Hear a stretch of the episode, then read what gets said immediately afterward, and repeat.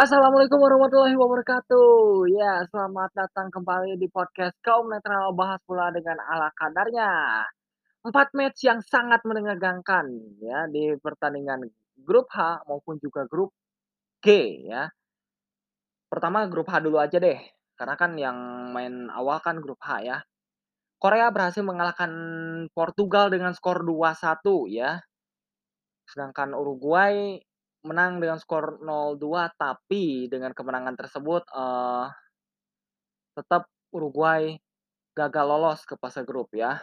Karena, eee, mungkin kalah produktivitas gol mungkin ya atau atau mungkin karena karena kan gini ya, eee, Korea sama Uruguay itu, eee, dari selisih golnya tuh 0. Mungkin ya dia unggul dari gol masuknya gitu, ya. Gol masuknya gitu ya, gol gol menangnya, gol yang dicetak oleh Koreanya gitu ya dibanding gol kebobolannya, gitu. Tapi ya, eee, di sisi lain memang sih, eee Korea nih ya tahu sendirilah ya, eee, hanya mengandalkan Son semata gitu ya. Padahal ya di bek-bek di beknya tuh nggak ada nggak ada nama Kim Min-jae di sana. Bahkan juga Korea nggak diasuh sama pelatih utamanya, yang juga mantan pelatih dari timnas Portugal, yaitu Paulo Bento karena akumulasi kartu merah saat lawan Ghana ya karena protes keras. But anyway, Korea ya memang sih bermain dengan under pressure gitu ya. Karena ya lawan lu tuh, nggak sembarangan gitu. Dia itu ya ada Ronaldo, tapi ya Ronaldo pun ya di usia yang udah senja, tetap aja, eee, gimana ya, nggak ada yang supply, nggak ada yang kasih umpan bagus ke dia gitu. Bahkan ya, eee, dia pun hanya mendapat bola dari bola muntah saja gitu.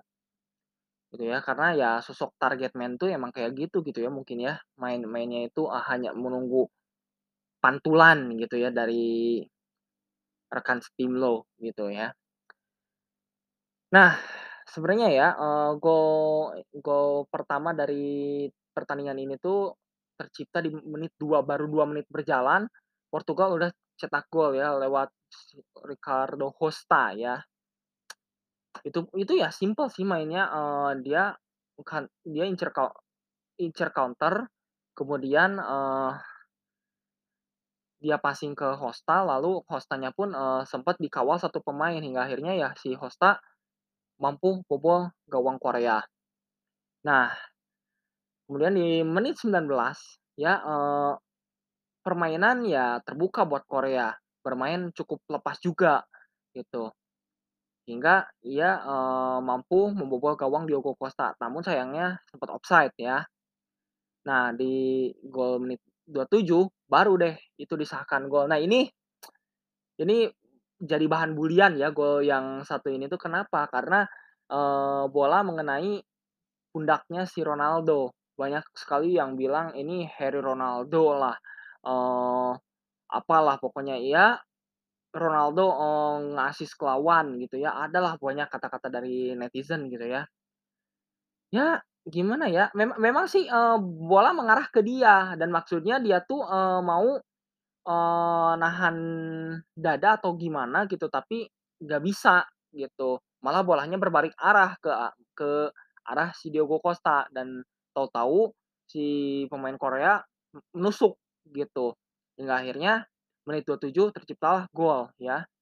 Gol ke ya gol kedua di pertandingan tersebut gitu ya, 1-1 skornya ya. Nah di babak pertama ya gimana ya, gue sih sebenarnya ya baru nonton highlight-nya aja gitu ya, eee selebihnya ya gua nonton hanya babak kedua saja gitu karena, eee gua kan habis pergi ya dari sama teman-teman gua ya, nonton ya bukan nonton sih, ma eee main futsal lah, biasalah hari Jumat ya. Jadi, eee di babak pertama sendiri ya sempet nonton hanya beberapa menit aja gitu ya. Tapi, eee memang Portugal ya layak imbang harusnya gitu ya, tapi ya ini malah Portugal menelan pil pahit gitu di pertandingan terakhir penyisihan grup gitu ya. Di saat di saat saat menegangkan gitu. Tapi ya that's but that's okay lah. Ya memang, Portugal emang udah udah dipastikan lolos ke babak 16 besar, tapi setidaknya ya lu, eee, minimal dapat imbang gitu, biar, eee, jarak dengan runner up grup tuh jauh gitu.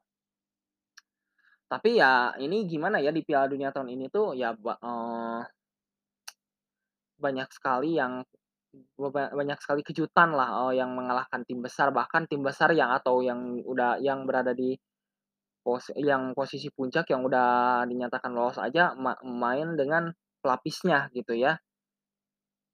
Ya ini mungkin Korea menjadi, eee, tim kedua ya yang tim Asia kedua yang mengalahkan tim Eropa gitu ya. Ini sama-sama tetangga gitu ya. Tetangganya lu aja habis ngalahin Spanyol ya. Nah, Spanyol tetangganya pun juga kalah sama tetangganya Jepang gitu. Ini tetangganya kompakan kali ya. Oke, nah di babak kedua sendiri ini ya gua gak nggak perlu banyak ini ya, tapi ya sebelum ke babak kedua ini ya si Ronaldo itu di menit-menit akhir nyaris dia menambah ke keunggulan. Itu ya datang dari bola muntah juga gitu. Sundulannya gak biasanya gitu, kan biasanya kan terukur ke gawang, ini malah menyamping ke gawang gitu, malah malah kema malah melayang ke mana, gak tahu ya. Ini Ronaldo niat ngegolin nggak sih di pertandingan ini tuh? Tapi ya, tak apalah ya.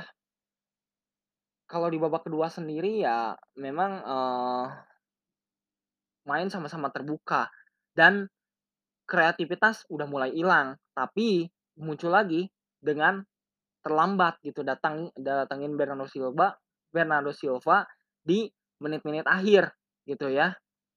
Gak ada juga Bruno Fernandes yang merupakan gelandang kreatif gitu, pemain kreatif. Ini parah sih, gak ada Bernardo Silva, gak ada Bruno, ya at least lu satu aja gitu yang gak usah main gitu ya. Kalau lu mau pasang Bruno, Ber Bernardo Silva jangan main dulu gitu. Kalau mau main mainin Bernardo Silva, ya kenapa gak dari awal aja gitu si Bruno Bruno gak usah main, nanti mainnya di babak knockout aja gitu. Tapi ya gimana lagi ya, ini, eee, si Hwang Hee-chan ini akhirnya bisa membobol gawang Diogo Costa juga ya. Nah Hwang Hee-chan ini ya seperti kita tahu dia juga pernah main di ya di kita ya, di GBK ya, waktu itu kan, eee, di timnas U19 waktu itu lawan lawan timnas U19-nya Evan Dimas ya, waktu itu kan, eee, Korea dikalahin sama kita ya, Indonesia dengan skor 3-2 waktu itu ya. But anyway ya, eee, ini ya mungkin pengalaman yang signifikan dan juga hasil yang sangat positif gitu ya dari para opa-opa Korea ini yang mampu mengangkat derajat timnas Korea ini di Piala Dunia jadi yang lebih atas gitu. Ya ini memang benar-benar drakor gitu ya, drakor dalam sepak bola gitu ya, drama Korea dalam sepak bola. Ya, ini, eee, suatu hal yang sangat menakjubkan gitu ya buat Korea. Jadi selamat buat Korea dan nanti nanti Korea akan ketemu dengan Brazil ya. Kira-kira lawan Brazil ya. Ya emang kira-kira ya mungkin ya kemungkinan besar Brazil sih. Nah oke, kita akan masuk ke pertandingan Ghana, Uruguay ya gua gak bakal review banyak ya. Tapi ini gua gua dap sempet dapat dapat ini, dapat tangkapan ya dari medias dari medsos ya. Si Cavani sampai ngamuk-ngamuk gitu ya. Gol dari Arauz Costa atau siapa namanya ya, gua gua juga gak tahu. Itu, eee, sempet bawa Uruguay, eee, berada di runner up grup H gitu ya. Tapi ya, belum jadi jaminan gitu ya waktu itu ya di di waktu di babak pertama golnya ya. Tapi pas babak kedua tahu-tahunya Korea cetak gol eee, keadaan pun jadi kurang sedap gitu ya buat Uruguay. Lo ada di peringkat 3 di klasemen itu. Tapi ya nggak apa-apa lah ya, tetap semangat buat Uruguay dan ya pengalaman lo masih banyak lah, masih ada kesempatan di Piala Dunia berikutnya ya.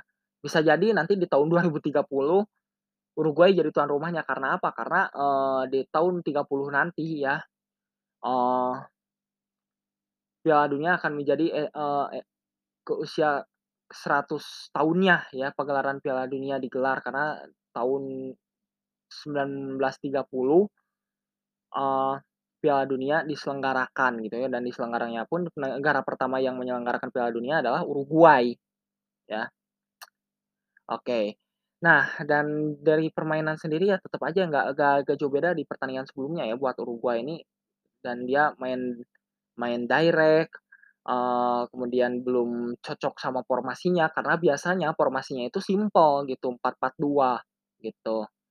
Biasanya main simpel gitu, tapi sekarang kok serumit ini gitu mainnya, gitu. Jadi ya gua gua nggak nggak begitu menikmati ya pertandingan Uruguay itu. Nah, kejadiannya pun juga sama ya, eee, kan di waktu 2010 kan ada penalti juga gitu ya, tapi bedanya kalau 2010 kan penalti dari si Luis Suarez ngedadak jadi kiper ya, ujung-ujungnya kan di kartu merah. Nah, ini pun demikian, tapi beda ini ya, karena kenapa ya, gua gua juga nggak lihat sama sekali gitu ya penampilan Ghana lawan Uruguay ini, tapi ya tetep penaltinya gagal juga gitu, si ma si kaptennya itu Jordan Ayew ya. But that's okay lah ya buat pertandingan Ghana Uruguay ini, ya meskipun menang tapi ya menangis juga sama kayak Jerman gitu. Dan ini ya suatu kejutan ya di Piala Dunia tahun ini, eee, di mana tim-tim yang diremehkan oleh tim-tim papan atas bisa menebus babak 16 besar, gitu. Oke, kita lihat aja lah ya, eee, penampilan Korea sama Portugal nanti di babak knockout seperti apa dan kita loncat ke grup G ya, antara Serbia lawan Swiss dan juga Brazil versus Kamerun. Kebalik ya, sorry. Kamerun lawan Brazil ya. Nah, Brazil pun demikian ya, eee, sama kayak Portugal, mereka menurunkan pemain pelapisnya, tapi tetap menurunkan pemain pelapis, hasilnya ya sama kayak tim-tim lain kayak, mmm, kayak Portugal, Spanyol, Prancis, itu semua tim yang menurunkan pemain pelapis. Tapi ya tetep lolos gitu ya, hanya unggul satu hanya hanya unggul 1-0 untuk Kamerun ya, kalah buat Brazil gitu. Tapi pas cetak gol, sayangnya dia malah lebih parahnya lagi ya, dia malah selebrasi buka baju, gitu. Padahal lu tuh udah udah dapet kartu kuning, tapi lu malah selebrasi buka baju gitu, nggak sadar gitu sama sama, eee, apa yang lu tegur sama wasit gitu gitu ya. Lu tuh ditegur sama wasit, dapet kartu kuning.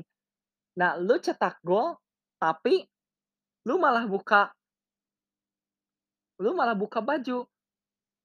You still fall, you know, pelanggaran. Buka baju, tahu-tahunya kartu merah, out, mandi lebih cepat deh. Nah nah ini pun gua juga, eee, di match ya di match ini tuh sangat boring ya, jujur ya, karena ini yang mainnya pelapis dan juga ya gua udah tahu sih, ini ya, ah, ini yang kiper yang jadi kiper Ederson, kayaknya sih hasilnya bakal kayak di final Copa America, kayaknya ya ska 1-0 gitu ya, menangnya cuma 1-0 gitu ya. Nggak tahu buat Brazil atau nggak tahu buat Kamerun, tapi ya hasilnya 1-0, nggak bakal bertambah dan ternyata bener. Kamerunlah yang menang. Hasilnya 1-0. Tapi ya Gua mau gimana lagi ya, eee, di match ini tuh ya ya gue juga gak menikmati juga gitu, bahkan sampai ketiduran gitu. Tapi gua lihat highlight-nya ya memang sih, eee, banyak sekali, eee, direct-direct pass, and passing-nya yang ya kurang terukur juga gitu, karena ya pemain intinya semuanya nggak ini gitu ya nggak perform di pertandingan ini tuh ya. Tapi ya nanti di di babak 16 besar nanti lu harus lu mau tidak mau harus perform gitu ya di pertandingan nanti ya. Semoga aja lawan Korea wajib menang gitu. Kalau kalau kalau kalah kalau kalah, wah ini parah kalau Brazil nih. Oke ya, eee, itu aja lah ya untuk untuk review review gru grup G, nggak terlalu banyak gua review ya. Nah, Serbia lawan Swiss ya, ini, eee, ini pun juga hidup mati gitu ya buat kedua tim ya, di mana Serbia dan juga Swiss ini, eee, sama-sama meraih hasil yang sangat kurang baik ya di pertandingan sebelumnya, tapi ya tetep di antara mereka tuh harus ada yang menang lah setidaknya ya. Nah, akhirnya ya hasil ini menjawab gitu bahwasannya Swiss, eee, haru kalau lu mau lolos lu harus menang gitu, apalagi lu poin lu 3, sekarang menang lagi, dapat poin 6.